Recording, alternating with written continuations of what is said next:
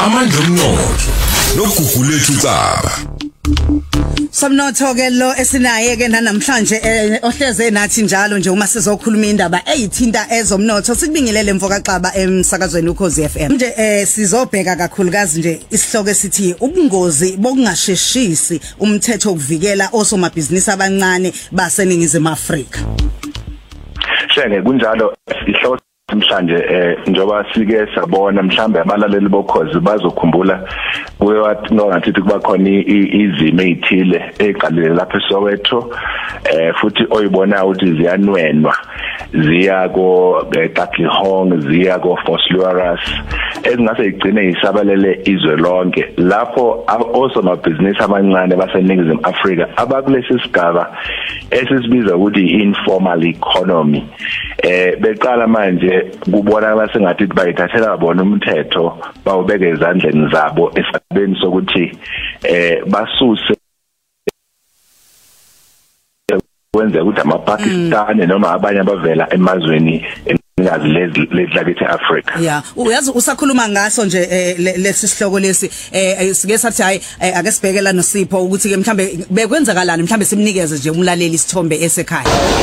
Eh angithi na navaya ngithi yeah Asanithathelanga into zenu angithi.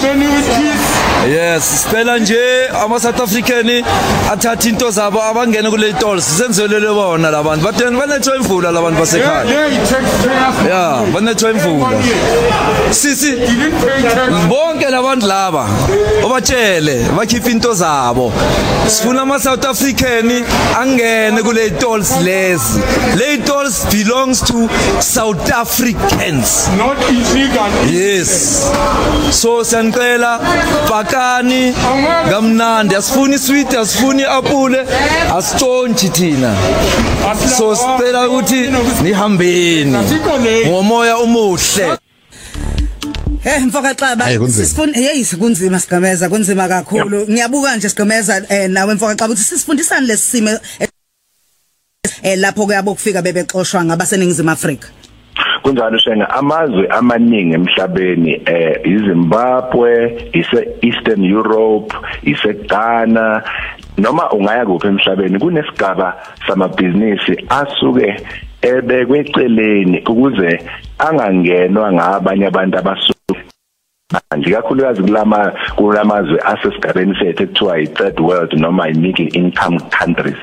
Lawo mabhizinisi ke asuke bekele ukuthi kungabi lesi simo esisibona njengamanje eningizimu Afrika ngoba lesi simo singagcina sidale ingxabano enkulu kwabo kufika nababa nabantu baseningizimu Afrika. Ngenxa njalo yokushoda kwamathuba kwabantu abampisholo kumbe abamnyama eningizimu Afrika ukuthi bangene bagcile egabeni ezithile zezomnotho. Uhulumeni ke siyamcela em Roselle kukhona National Small Enterprise Amendment Bill okuchithiyelwa okuyisichibiyelo somthetho lawula ukusebenza kwamabhizinisi amancane uhamba kancane esigabeni separlament awusheshi kanti lesi simo singase sidale inkinga enkulu ngoba amabhizinisi nje amancane othola ukuthi ama-spaza shops ama-saloon usuyathola ukuthi ngempela awasekho ntobo amaningi esigabeni sabantu baseningizimu afrika. Okanti yiwona amabhizinisi lawo kufanele avikele ukuze kungabikho lesi simo esisibonile senzeke soweto nesibonakala sizoqhubeka kakhulukazi lapha eGauteng.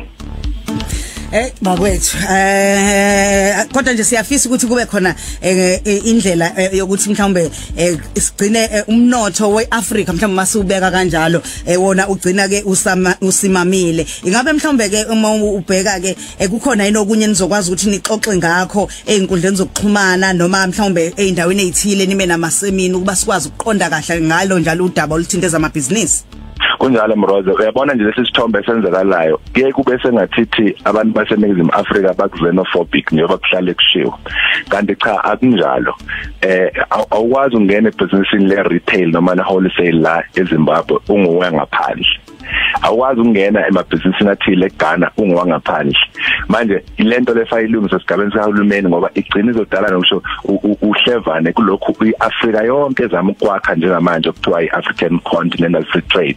Esihlala sikhuluma ngakho kulolu hlelo. Siyacela ukuthi uhulumeni ngempela aqinisekise ukuthi uyasiza kulokhu. Zimbili izinto mroza esicela ukuthi abalaleli sibazise zona. Sithe unyaka le wethu entrepreneurship.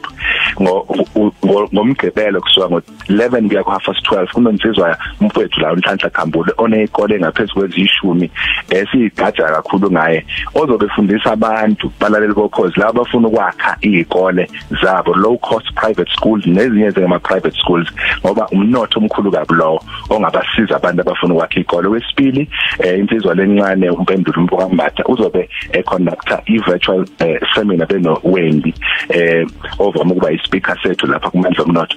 Ngendaba imbuzi ngesonto ngo eh ngo 2 o'clock. Bekhuluma ngoba umnotho lo wembuzi imroza kufanele siqinisekise ukuthi siyawungena wonke ekwazini ukuthola ubisi nenyama. Nazo zonke izinto ezihambisana nembuzi ungasiphunyuki njengoba njengeminye iminotho esihlala esikhuluma ngayo. Siyabaqinisekisa abalali bokhozi ukuthi njalo ngeviki sizobe sihlale sinama virtual seminar. Fundisana ogogo nabantu basemakhaya. Leyo zoom sifuna ukuya khona. Cha i-virtual meeting le nibafundisa abantu bakithi ukuthi lezi zinto zibalulekile. Nihlale ndawonye nibuke ndawonye ngesikhathi kuxoxwa ngeindaba zezomnotho eh nkosazana. Siyahlangana hey uqinisile sigqibeza yazi ngiyabuka nje ugogo yobuza gitshelwa malini ubuya khona lapha kwaZoom kunjalo nje. No kufanele Mroza siwatholisisa ama details because eh, izonikela inye ithuba. Mayekhuluma ngayo mfo wakhambule ngenye insizwa le esihlonipha kakhulu kulesi space seyikole eh eyiphethwe abantu abamnyama zethu. Kodwa ke eyifunda eh, ngalobu buchwepheshe obukhona manje. Kunjalo mfethu. Okay inombolo Mroza asibakhumbuze eh ba- la- abasithola kuyona? Eh abavele nje bebenz- behambe baye ku WhatsApp bethi 0822252217 bese ke bethi www.amandlomnotho.co.za kanti ke nathi ukhozi FM amandlomnotho eh uyakwazi ukuthi ungene uthola ama podcast Ama-podcast, eh yeah. kanjalo na ku YouTube futhi akhona amandlomnotho.